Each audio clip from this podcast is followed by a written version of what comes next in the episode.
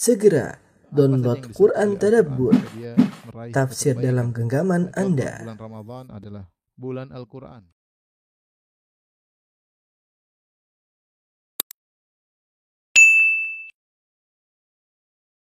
Bismillahirrahmanirrahim. Assalamualaikum warahmatullahi wabarakatuh. Alhamdulillahi ala ihsani wa syukru lahu ala taufiqihi wa amtinani wa asyhadu an la ilaha illallah wahdahu la syarika lahu ta'ziman li sya'nih asyhadu anna Muhammadan abduhu wa rasuluhu da'i ila ridwani Allahumma salli alaihi wa wa ikhwani. Uh, ikhwan akhwat para jamaah Masjid Tarbiyah Cilandak yang dirahmati Allah Subhanahu wa taala. Kita sedang berada di penghujung penghujung dari perjalanan kehidupan sirah Nabi sallallahu alaihi wasallam. Pada malam hari ini kita akan bahas tentang topik dunuwu ajali Rasulullah sallallahu alaihi wasallam yaitu dekatnya ajal Rasulullah sallallahu alaihi wasallam. Uh, tatkala dakwah sudah uh, sempurna, uh, Islam sudah menguasai jazirah Arab ya. Kemudian orang-orang masuk Islam berbondong-bondong ya. Nampaklah tersebarnya Islam di segala penjuru ya. Maka seakan-akan tugas Rasulullah SAW sudah selesai dan Rasulullah SAW mulai merasakan bahwasanya ajalnya sudah sudah dekat. Maka mulailah Rasulullah SAW bersiap-siap uh, lebih uh, banyak lagi ibadahnya, bersiap-siap untuk bertemu dengan Allah Subhanahu wa taala. Dan nampak dari sikap-sikap beliau dan juga perkataan-perkataan beliau yang mengisyaratkan bahwasanya ajal beliau sudah dekat ya. Karena tugas beliau sudah uh, selesai, dakwah sudah tersebar, uh, Islam sudah tersebar, orang-orang masuk Islam berbondong-bondong. Rasulullah mengalahkan dalam perang-perangan mengalahkan ya orang-orang uh, kafir ketika itu ya. Uh, di antaranya uh, Allah Subhanahu wa taala mengisyaratkan akan wafatnya Nabi sallallahu alaihi wasallam dengan menurunkan surat An-Nasr. Surat An-Nasr, ya idza jaa nasrullahi wal fath. Jika tatkala telah datang pertolongan Allah dan kemenangan. Al-Imam Al-Bukhari meriwayatkan dalam sahihnya dari Ibnu Abbas radhiyallahu taala anhuma bahwasanya Umar radhiyallahu taala anhu bertanya kepada para sahabat tentang firman Allah Subhanahu wa taala, "Idza jaa nasrullahi wal fath." Jika telah datang pertolongan Allah dan kemenangan dari Allah. Ya, yaitu ra'aitan nasa yadkhuluna fi afwaja. Dan kau melihat orang-orang datang masuk Islam berbondong-bondong. Fasabbih bihamdi rabbika wastaghfirhu. Bertasbihlah dan muji Rabbmu wastaghfirhu dan istighfarlah. Innahu kana tawwaba sungguhnya Allah Maha menerima uh, taubat ya. Ketika Umar bertanya kepada para sahabat dalam sebagian riwayat mereka adalah sahabat-sahabat senior yang uh, ikut serta dalam perang Badar. Kata Rasulullah SAW, apa kata Umar kepada mereka? Apa maksud firman Allah? Idza jaa nasrullahi wal fath. Jika telah datang tatkala datang pertolongan Allah dan kemenangan. Qalu fathul madain wal qusur. Ya, maka orang-orang menjawab maksudnya adalah uh, menguasai al-madain itu uh, dari kerajaan uh, Persia ya. Wal qusur mungkin maksudnya adalah sebagian daripada uh, apa namanya? daerah-daerah uh, Romawi. Maka ini jawaban mereka, mereka menjawab dengan zahir nas bahwasanya al-fath adalah kemenangan yaitu Allah membuat kaum muslimin menaklukkan Persia dan Romawi. Qala ma taqulu ya Ibnu Abbas?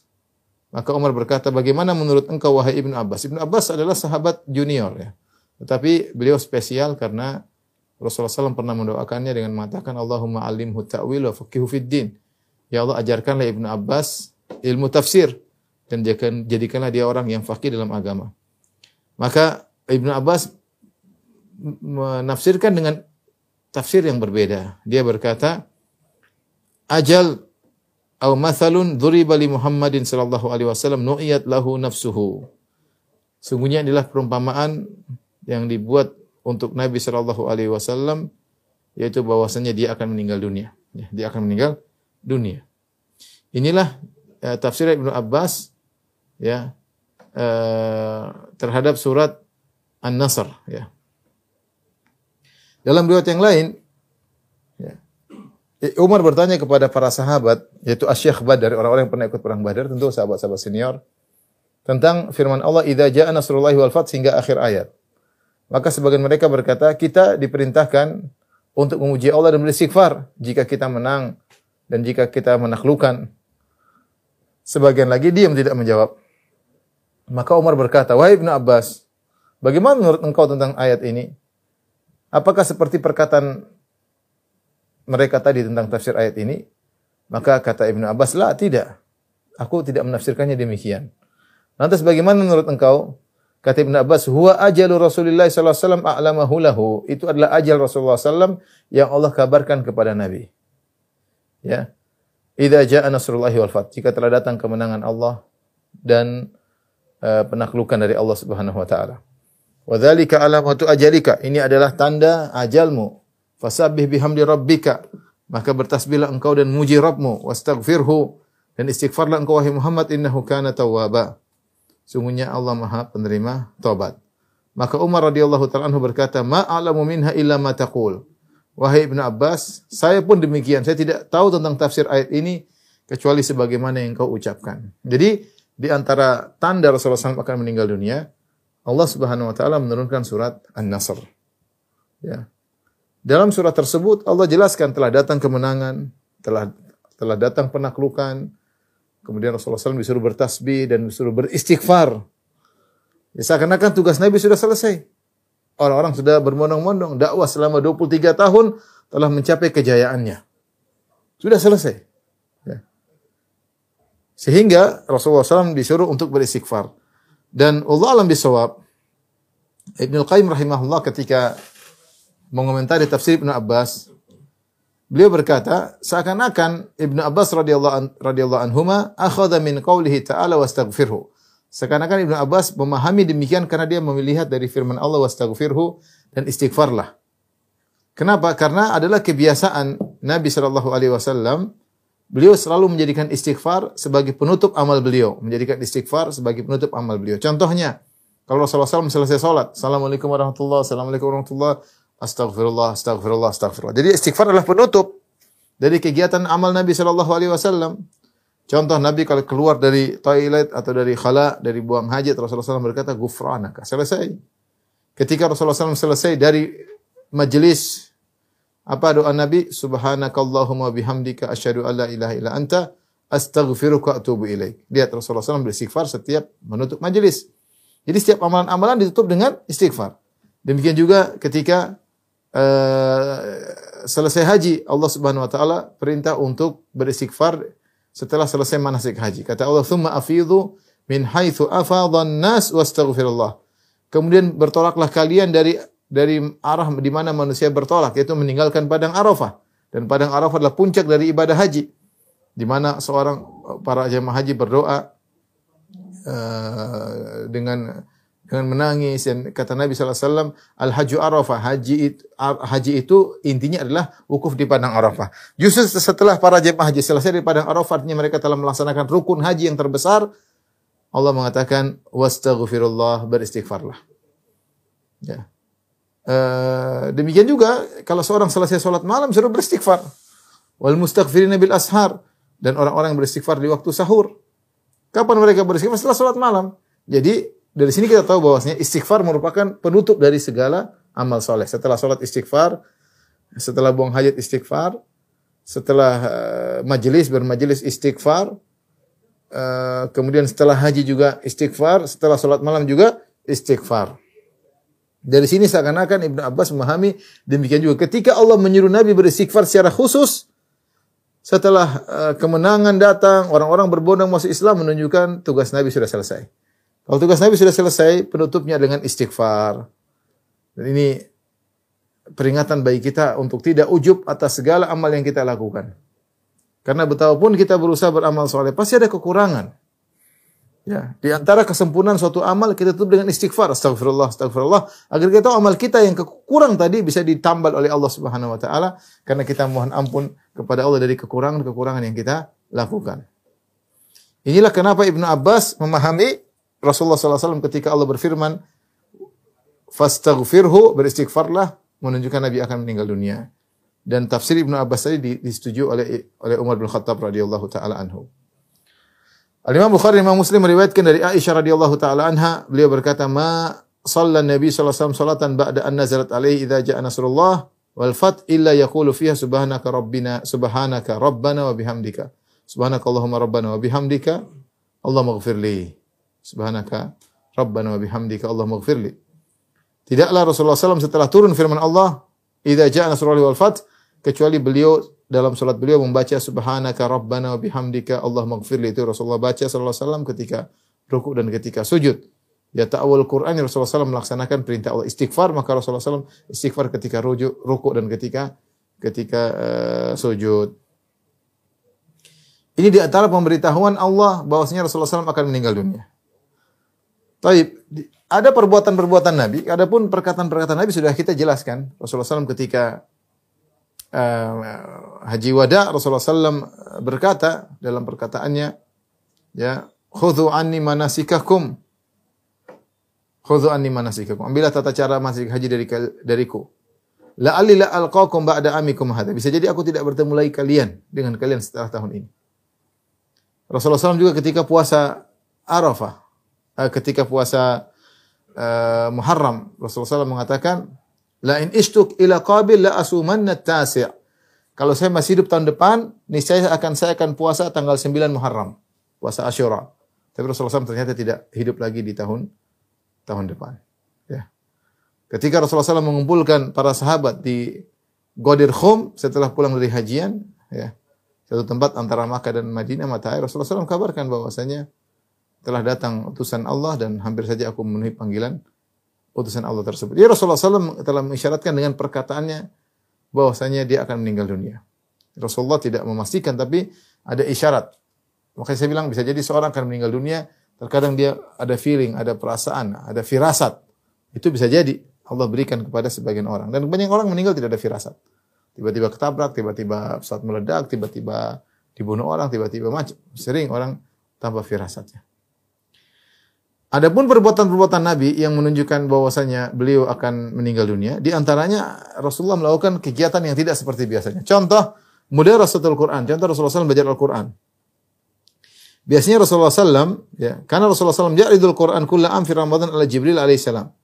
Rasulullah SAW setiap sekali setahun, membacakan Al-Quran di hadapan Jibril dari awal sampai akhir setiap kali setahun itu di bulan Ramadan. Fa'aradahu fi dhalikal am alladhi qubida fihi marratain. Adapun tahun ketika Rasulullah SAW meninggal dunia, Rasulullah SAW menghantam Quran di hadapan Jibril awal sampai akhir dua kali. Sebagaimana diriwayatkan oleh Imam Bukhari Imam Muslim dari Aisyah radhiyallahu taala anha, beliau berkata, "Asarra Rasulullah SAW ila Fatimah radhiyallahu anha." Aisyah cerita, Rasulullah SAW pernah membisikkan sesuatu kepada Fatimah. Kemudian Fatimah membisikkan, mengabarkan kepada Aisyah tentang bisikan tersebut. Ya, apa isinya? Anna Jibril kana yu'aridul Quran kulla sanatin marrah. Jibril biasanya uh, Rasulullah baca Al-Quran di hadapan Jibril sekali dalam setahun. Wa innahu qad aradani bihil am. Akan tetapi tahun ini kata Nabi SAW, Jibril telah mengajarkan Al-Quran kepadaku marratain dua kali. Wala ara al-ajala illa qad iktarab. Ini menurutku Jibril sampai mengajarkan aku dua kali. Menurutku bosnya ajalku telah dekat. Kemudian Rasul, uh, Rasulullah berkata kepada Fatimah, "Fattaqillah wasbiri." Bertakwalah kepada Allah wahai Fatimah wasbiri ya dan bersabarlah fa inni ni'mas salafu ana lakum. Sebaik-baik pendahulu adalah aku untuk engkau ana laki engkau untuk, untuk engkau wahai Fatimah. Jadi Rasulullah SAW pun mengerti kenapa Jibril datang ngajarin sampai dua kali ini menunjukkan uh, akan datangnya ajal ya. Di antara perbuatan Nabi Shallallahu Alaihi Wasallam, kalau tadi perbuatan Jibril ya, tapi bersama dengan Nabi Shallallahu Alaihi Wasallam. Di antara perbuatan Nabi Shallallahu Alaihi Wasallam menunjukkan bahwasanya ajalnya akan dekat, selain dari perkataannya, yaitu Rasulullah SAW biasanya etikaf 10 hari, tapi tahun ketika beliau meninggal, beliau etikaf dua kali. Kata Abu Hurairah radhiyallahu taala anhu, kana Nabi sallallahu alaihi wasallam ya'takifu fi kulli Ramadan asyrata ayyam. Rasulullah SAW biasanya etikaf 10 hari di bulan Ramadan. Falamma kana al-amu alladhi qubida fihi i'takafa 20 yawman. Tatkala tahun di mana beliau meninggal dunia, beliau i'tikaf 20 hari. Jadi dua kali lipat, double. Baca Al-Qur'annya double, Jibril ngajar Al-Qur'an double. Beliau i'tikafnya juga bukan cuma 10 hari, 20 hari.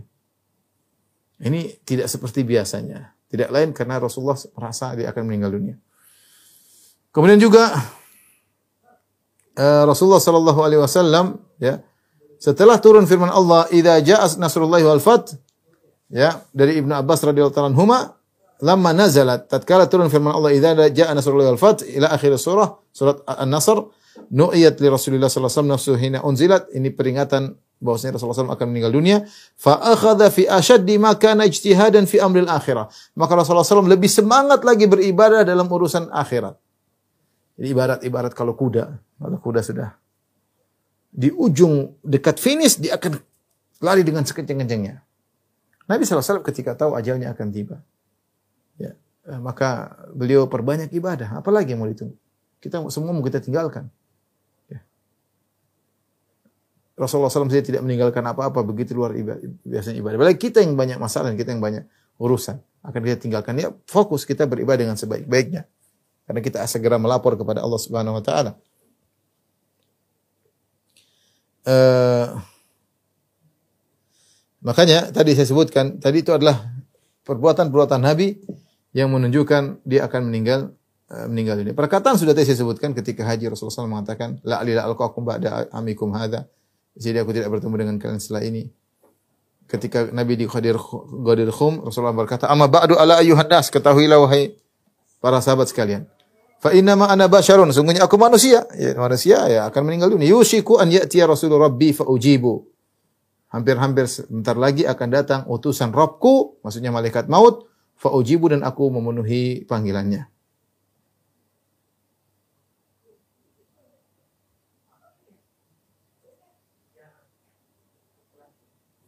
Di antara sifat perbuatan Nabi Shallallahu Alaihi Wasallam yang menunjukkan bahwasanya beliau akan meninggal dunia, beliau uh, pergi ke syuhada Uhud kemudian mendoakan para syuhada Uhud. Setelah Rasulullah SAW pulang dari Haji Wada, Rasulullah SAW pergi ke Gunung Uhud. Fasalla ala syuhada salatahu alal mayit. Maka Rasulullah SAW salat kepada syuhada seperti salat mayat. Setelah samani sinin, setelah 8 tahun mereka meninggal. Kal muwaddi' lil ahya wal amwat. Seperti seorang yang hendak berpamitan kepada orang-orang yang masih hidup dan orang-orang yang sudah meninggal dunia. Rasulullah datang seakan mau berpamitan. Kemudian beliau pun pergi setelah itu beliau pergi uh, pergi meninggalkan Gunung Uhud setelah mendoakan para syuhada Uhud. Setelah itu beliau uh, naik mimbar berkhutbah. Kata beliau, "Inni baina aidikum faratun." Sungguhnya aku akan mendahului kalian itu akan mendahului kalian di akhirat aku lebih dahulu tiba di telaga aku atau si, aku siapkan untuk menyambut kalian. Wa ana alaikum syahid. Dan aku akan menjadi saksi atas kalian wahai para sahabatku. Wa inna mau'idakumul haud. Sungguhnya tempat pertemuan kita adalah di telagaku. Wa inni la anzuru ilaihi min maqami hadha. Aku melihat telagaku dari tempatku ini. Wa inni lastu akhsha alaikum an tusyriku.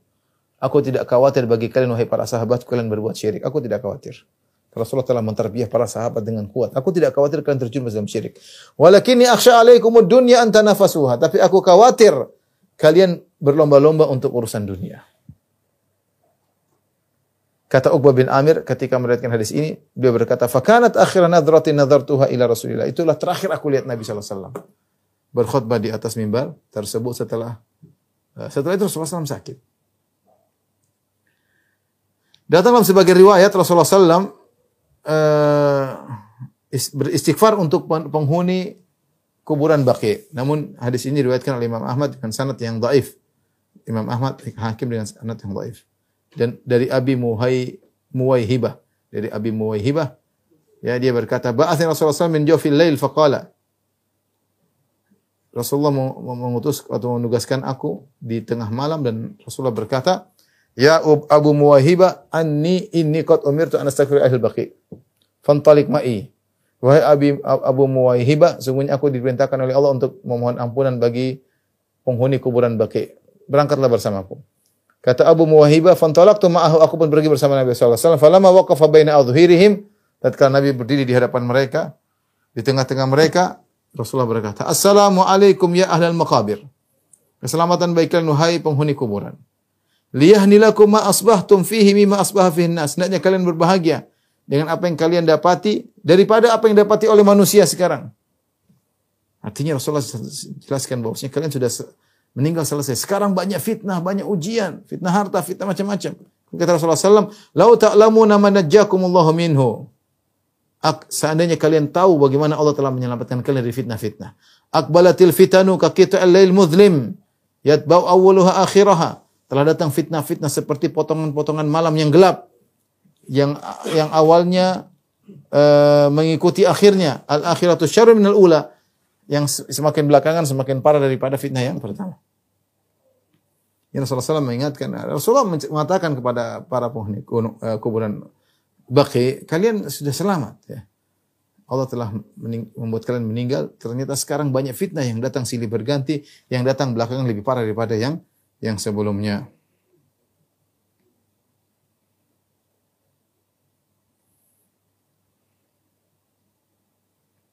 Mulailah Rasulullah SAW sakit.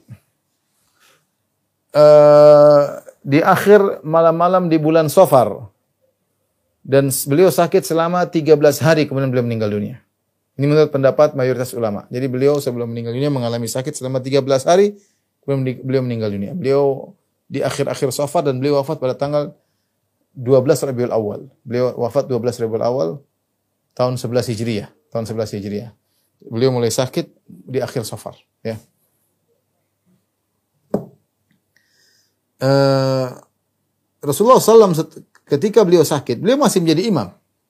Sampai ketika sakit beliau semakin parah, ya beliau tidak bisa lagi jadi imam selama tiga hari.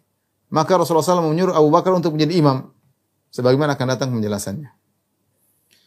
Awal dari penyakit Nabi SAW, itu Rasulullah SAW merasakan pusing yang sangat berat di kepala beliau yang mulia. Imam Ahmad meriwayatkan dalam musnadnya dengan sanad yang sahih dari Aisyah radhiyallahu anha Beliau berkata, Raja ilayya Rasulullah SAW zata yaumin min janazatin bil baqi. Rasulullah SAW baru saja ngelayat atau mengantar jenazah di baqi. Ya, baqi tahu kalau kita di Masjid Nabawi tidak terlalu jauh. Kemudian Rasulullah SAW menemuiku, menemui Aisyah radhiyallahu taala anha. Wa ana ajidu sudaan fi ra'si dan aku mendapati kepalaku pusing. Kata Aisyah radhiyallahu anha, aku pusing. Wa ana akul wa ra'sa, aku berkata, oh kepalaku sakit. Aku berkata wa ra'sa, ya Rasulullah kepalaku sakit. Faqala Rasulullah SAW, Rasulullah SAW berkata, Bal ana ya Aisyah tua roksa. Justru saya yang sakit ya Aisyah. Bukan cuma kamu. Saya mungkin sakit lebih parah. Saya juga sakit ya Aisyah. Kemudian Rasulullah SAW berkata kepada Aisyah, Ma dharraki law miti qabli. Faghassaltuki wa kafantuki wa sallaitu alaiki thumma dafantuki. Ya Aisyah, apa masalahmu jika kau meninggal sebelumku? Selesai. Kalau kau meninggal, wahai Aisyah, Rasulullah sambil bercanda.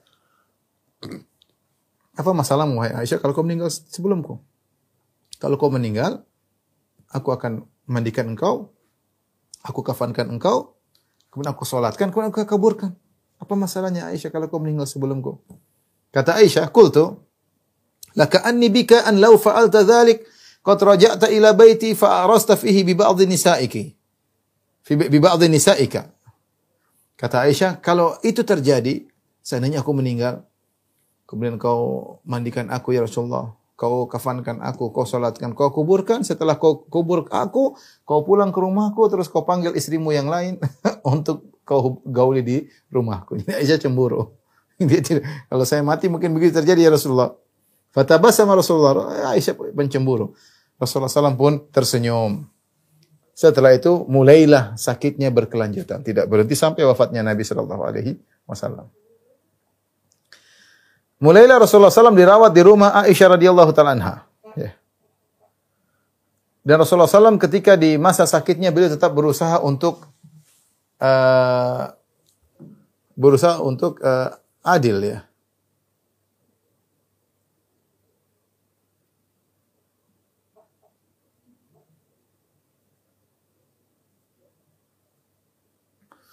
Beliau berusaha untuk tetap adil ya dalam pembagian jatah nginap di antara istri-istrinya. Seperti biasa, beliau adil sehari pindah ke istri berikutnya, pindah ke istri berikutnya. Seperti kebiasaan beliau terhadap istri beliau. Tatkala suatu hari beliau sampai di rumah Maimunah bintul Harith, ya. Kalau tidak salah Maimunah istri beliau yang terakhir, yang beliau nikah yang terakhir, maka sakit beliau semakin parah. Dan beliau tidak bisa melanjutkan lagi gilir beliau. Subhanallah. Bagaimana sikap adilnya Nabi SAW terhadap istri-istrinya. Meski beliau sakit parah, beliau untuk tetap berusaha menjalankan jatah gilir. Ya. Itu, itu hak para istri untuk digilir sesuai dengan uh, waktu nginapnya. Ya. Maka Rasulullah SAW pun ketika beliau sudah tidak mampu lagi, maka beliau minta izin kepada istri-istrinya. An yumarradha fi baiti Aisyah agar beliau dirawat di rumah Aisyah. Artinya beliau akan nginep di rumah Aisyah. Ini boleh. Jadi kalau seorang laki uh, tidak bisa menggilir sesuai dengan jatah, dia minta maaf kepada istrinya, minta direlakan. Karena itu hak istri. Kalau istrinya tidak memaafkan, ya bahaya. Dia tidak bisa menjalankan uh, jatah nginap dengan adil. Uh, ya ini termasuk dosa dan bisa jadi sebagian ulama menganggap dosa besar. Ya, tidak adil terhadap istri-istrinya, condong kepada salah satunya karena terancam akan dibangkitkan pada hari kiamat dalam kondisi tubuh miring. Sebagaimana dalam hadis yang masyhur, man kanat lahum ra'atani man kanat lahu imra'atani uh, famala ila ihdahuma uh, ja'a yaumal qiyamati wa shikkuhuma siapa yang punya istri dua kemudian dia condong kepada salah satunya maka dia akan datang pada hari kiamat dalam kondisi badan miring. Karena jatah nginap yang adil adalah hak istri. Kecuali kalau istri merelakan atau menghadiahkan kepada istri yang lain sebagaimana Saudah mengizinkan menghadiahkan jatah nginapnya kepada Aisyah sehingga Aisyah jadi double. Jatah nginapnya karena jatah nginap Saudah. Saudah hadiahkan kepada Aisyah. Uh, demikian juga kalau istri-istri mengizinkan seperti ini ketika Rasulullah SAW sudah tidak kuat lagi untuk menjalankan giliran nginap. Ketika sampai di rumah Maimunah dia sudah nggak kuat lagi dia minta izin kepada istri-istrinya. Istri-istrinya mengizinkan untuk dirawat full di rumah Aisyah radhiyallahu taala anha. Karena Rasulullah SAW sangat cinta kepada Aisyah. Dia masa lebih lebih tentram kalau di rumah Aisyah radhiyallahu taala anha. Ya uh, Al-Imam Bukhari dan Imam Muslim meriwayatkan dari Aisyah radhiyallahu taala anha Awalu masyaka Rasulullah sallam fi baiti Maimunah. Pertama kali Rasulullah sakit di rumahnya Maimunah. Fasta'dzana azwajahu an yumarrada fi baiti. Maka Rasulullah minta izin sallallahu alaihi wasallam kepada istri-istrinya agar dirawat di rumahku.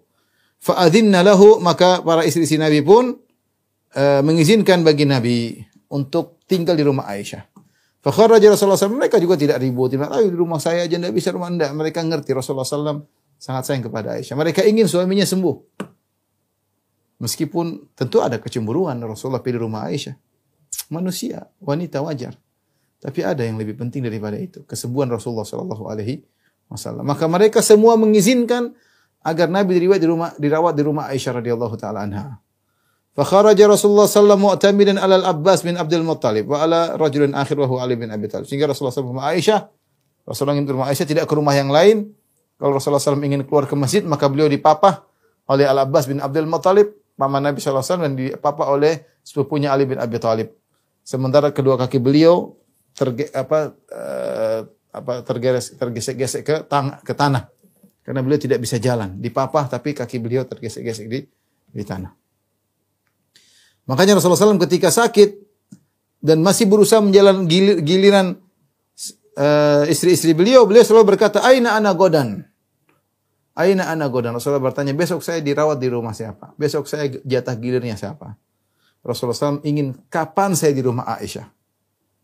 Istri-istri Nabi tahu, besok masih di rumah ini. Besok, Rasulullah tanya, besok ke rumah siapa? Besok ke rumah ini. Rasulullah sangat sayang kepada Aisyah. Dan ini istri-istri Nabi pun tahu, para sahabat pun tahu. Akhirnya mereka ngerti, mereka izinkan Nabi terserah mau di rumah siapa saja. Ternyata Rasulullah SAW memilih rumah Aisyah dan hingga meninggal di rumah Aisyah radhiyallahu taala anha. Setelah Rasulullah SAW akhirnya menetap di rumah Aisyah radhiyallahu taala anha, maka istidadul wajah ala Rasulullah SAW, sakit beliau semakin parah. Ya, tekanan penyakit bagi Nabi SAW semakin parah, bukan cuma pusing, ya, mulai sekarang demam. Kepala pusing, ada orang pusing tapi tidak ada demam. Ini mulai demam sangat demam, sangat tinggi demamnya sampai uh, panas Nabi SAW meninggi. Bahkan panas Nabi SAW menembus tubuh beliau sampai ke selimut beliau. Sampai ke selimut beliau. Dari Abu Sa'id Al-Khudri radhiyallahu anhu beliau berkata, "Dakhaltu ala Nabi sallallahu alaihi wasallam wa yu'ak." Aku menemui menyenguk Nabi sallallahu alaihi wasallam dan Nabi sallallahu alaihi wasallam sedang kepanasan. Ya. Fawadatu yadi alaihi. Aku pun meletakkan tanganku padanya. Fawajatu harrahu baina yadai baina yadi fawqa lihaf. Aku dapati tanganku panas padahal di atas selimut. Aku kaget orang panas kayak seperti ini. Fakulti ya Rasulullah, ma asyaddaha alaik. Ya Rasulullah, berat sekali panasmu ini. Fakal Rasulullah SAW, inna kadhalik. Kami para nabi demikian. Yudha'afu lana bala'u. Kami dilipat gandakan ujian bagi kami. Wa yudha'afu lana ajar. Namun kami pun dilipat gandakan pahala. Dalam riwayat yang lain dari Abdullah bin Mas'ud, sama tadi kalau tadi Abu Sa'id Al-Khudri, sekarang Abdullah bin Mas'ud ketika menjenguk Nabi sallallahu alaihi wasallam. Dia mendapati Rasulullah sedang sangat panas. Famassastuhu biyadi aku pun mengusap atau apa namanya menyentuh dengan tanganku. Fakultu ya Rasulullah innaka aqwa kan syadidan. Ya Rasulullah sungguh engkau mengalami demam yang sangat parah. Fakala Rasulullah SAW, ajal, tentu ini u'a kama yu'aku rajulani minkum. Saya ini kalau kena demam dua kali lipat daripada kalian. Ya kalau kita demamnya 40 mungkin Rasulullah SAW 40 derajat. Saking panasnya sampai tembus ke selimut beliau. Panas 80 derajat itu panas. 50 60 sih sangat panas. Rasulullah dua kali lipat. Qultu dzalika anna laka ajran. Apakah kau mengalami ini Rasul karena kau dapat dua pahala? Rasulullah SAW mengatakan ajal, benar. Benar SAW berkata, "Ma min muslimin yusibuhu adan min maradin fama siwahu illa hatallahu bi sayyiatihi kama tahuttu syajaratu waraqaha." Tidaklah seorang muslim ditimpa dengan yang mengganggunya, baik penyakit ataupun yang lainnya, kecuali Allah akan menggugurkan dosa-dosanya sebagaimana daun-daun berguguran. Dalam riwayat yang lain, "Ma min muslimin yusibuhu adzan illa hatallahu anhu khatayahu kama tahata waraqu syajar." Tidaklah seorang muslim ditimpa dengan gangguan, ya, penyakit dan semisalnya kecuali Allah akan menggugurkan dosa-dosanya sebagaimana daun-daun berguguran dari pohon. Ini kita tahu bahwasanya asyadun nasi balan al-anbiya orang yang paling berat ujian adalah para nabi. Semua salih orang saleh, semua amsal fal amsal kemudian yang selanjutnya dan uh, selanjutnya. Ketika Rasulullah SAW dalam kondisi panas, Aisyah radhiyallahu taala anha mengruqyah Nabi wasallam. Rasulullah tidak minta tapi ya suami istri. Aisyah meruqyah sambil membaca al-muawwidzat, yaitu qul huwallahu ahad, qul a'udzu birabbil falaq, qul a'udzu nas. Namun dia tidak tiupkan di tangan beliau untuk diusap pada Nabi. Ya. Tanfuthu ala Rasulillah bihina, tapi beliau pun uh, apa namanya? Beliau meniup langsung ke Rasulullah, ke jasad Rasulullah dan juga setelah itu dia usapkan dengan tangan Nabi Shallallahu Alaihi Wasallam dengan roja barakatiha berharap keberkahan tangan Nabi Shallallahu Alaihi Wasallam. Jadi bukan tangan beliau sendiri untuk diusap. Jadi beliau meniup ke tubuh Nabi, kemudian tangan Nabi yang dia pegang tangan Nabi untuk mengusap tubuh Nabi sendiri. Kata Aisyah radhiyallahu anha, "Kana idza ishtaka uh, yaqra ala nafsihi bil muawwidzat wa yanfuth." Kebiasaan Nabi SAW kalau beliau sakit, beliau meruqyah diri beliau sendiri. Beliau bacakan muawwidzat yaitu qul huwallahu ahad, qul a'udzu birabbil falaq, qul a'udzu birabbin nas untuk dirinya. Wa infus kemudian dia tiupkan ke tubuhnya. Entah ke tangannya, entah ke tubuhnya. Ya. Kuntu falamma mashtadda wajhu tatkala sakit beliau semakin parah, kuntu aqra'u alaihi. Maka aku yang bacakan yang ruqyah untuk beliau. Wa amsahu anhu biyadihi raja'a barakati. Dan aku tetap mengusap beliau tapi pakai tangan beliau sendiri. Berharapkan uh, berkah tangan Nabi Shallallahu Alaihi Wasallam. Mulailah orang-orang berdatang kepada Nabi Shallallahu Alaihi Wasallam. Ya, Rasulullah sakit parah. Rasulullah beri wasiat kepada sebagian sahabat yang datang menemuinya. Di antaranya Rasulullah SAW manggil Uthman. Arsal Rasulullah SAW ila Uthman. Faja'a. Rasulullah SAW panggil Uthman. Uthman dhun nurain. Mantu Nabi SAW menikah dengan Ruqayyah kemudian Ummu Kulthum. Ya. Kemudian dua-duanya meninggal sampai Rasulullah mengatakan kalau saya punya putri yang lain saya akan nikahkan dengan Utsman. Tapi sudah nggak ada. Yang tersisa cuma Fatimah. Fatimah menikah dengan Ali, kemudian Zainab menikah dengan Abul As. Tidak ada putri Nabi. Tapi salah satunya orang yang pernah menikah dengan dua putri Nabi dalam sejarah dunia hanyalah Utsman. Nikah dengan Ruqayyah, kemudian setelah meninggal nikah dengan uh, Ummu. Makanya makanya Utsman dibeli geral dengan Dzunurain, pemilik dua cahaya. Ketika Rasulullah SAW akan meninggal, beliau panggil Utsman. Fajar, Utsman pun datang. Fakhala bihi, kemudian Rasulullah SAW berdoa dengan Utsman. Faja'al Rasulullah SAW yukallimuhu wa wajuhu Utsman yataghayyar.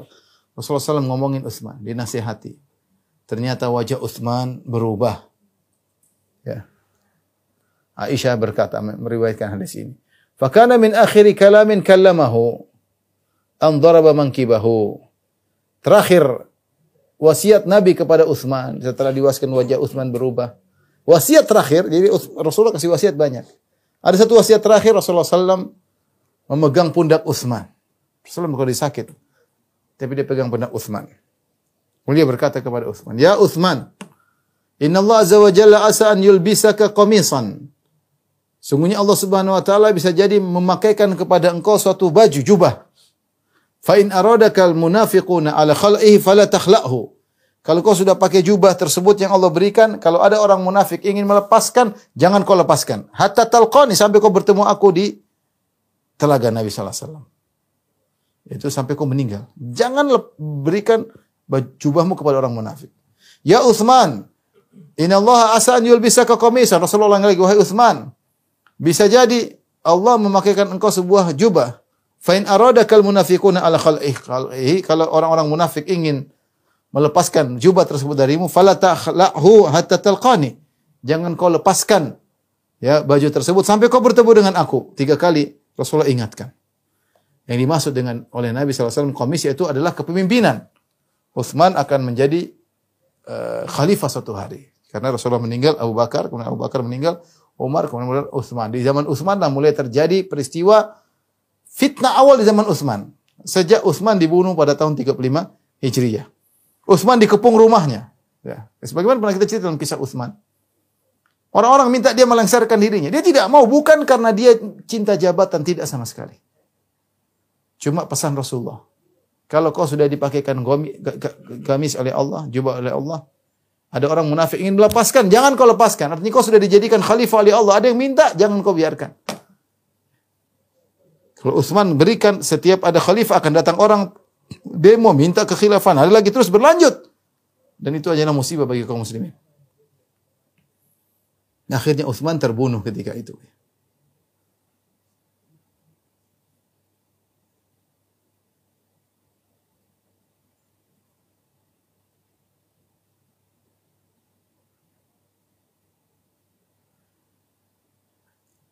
Rasulullah SAW berkhutbah ketika beliau sakit yang akhirnya beliau meninggal dunia. Dan ini adalah akhir khutbah.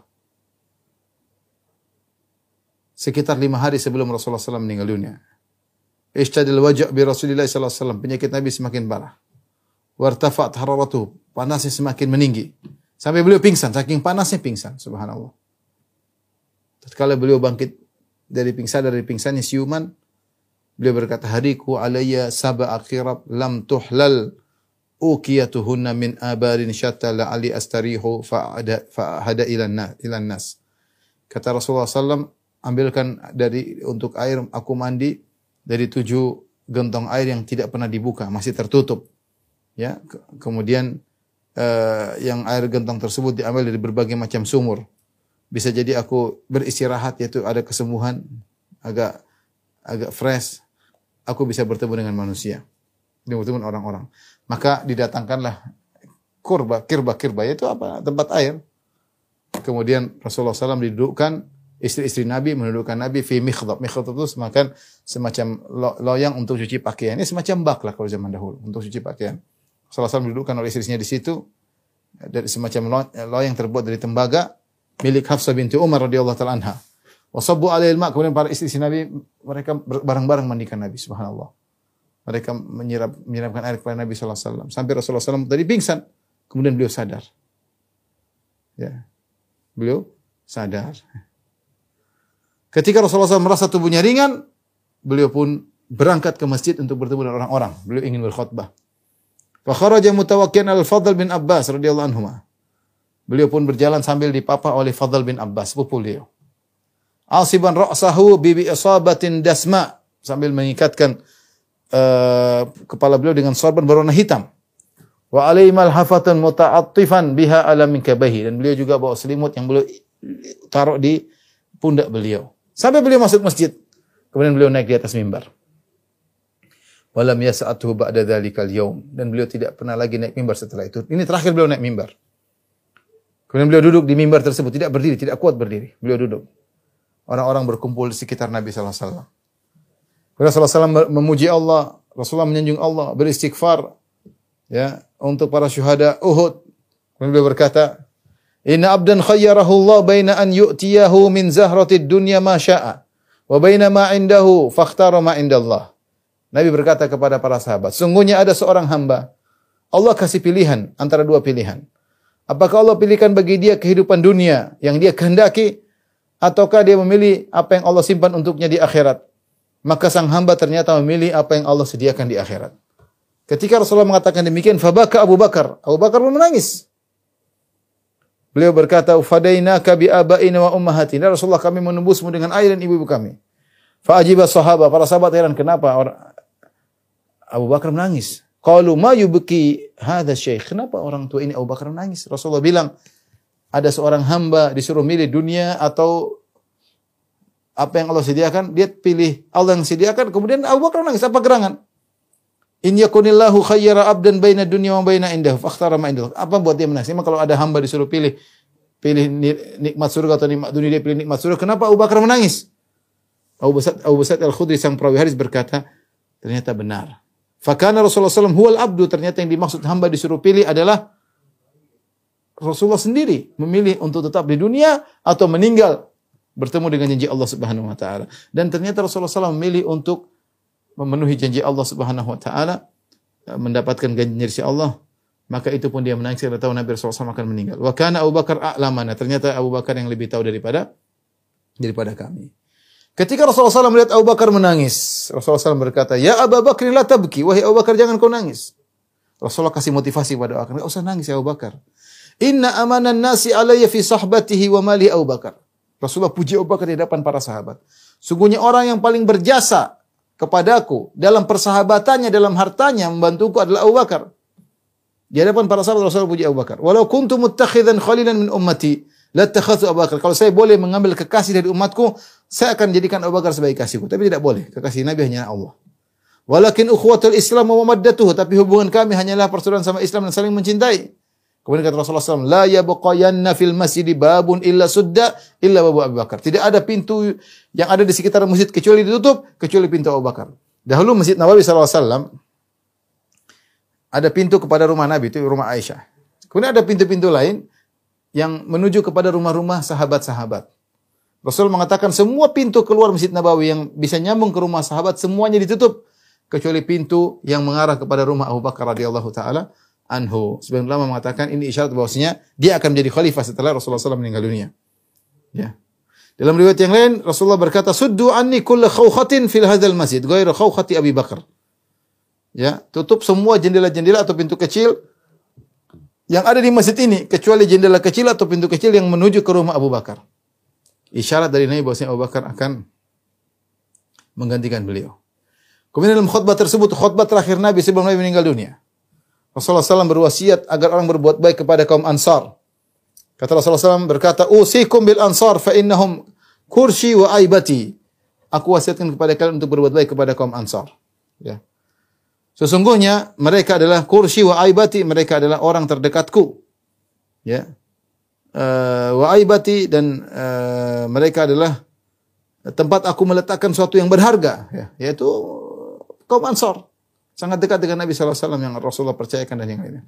Waqad qadau alladhi alaihim. Mereka telah menunaikan kewajiban mereka. Wa baqiya alladhi lahum. Tinggal mereka mendapatkan hak mereka dari Allah Subhanahu wa taala.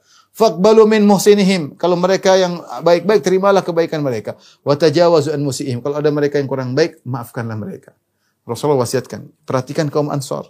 Kenapa Rasulullah SAW yang dengan jasa kaum Ansar setelah Allah tentunya, maka Rasulullah SAW berhijrah dari Mekah menuju Madinah.